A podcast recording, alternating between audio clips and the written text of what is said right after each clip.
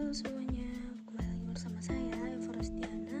Saya adalah mahasiswa baru di Universitas Tanjung Pura Pontianak, khususnya jurusan Pendidikan Bahasa Inggris.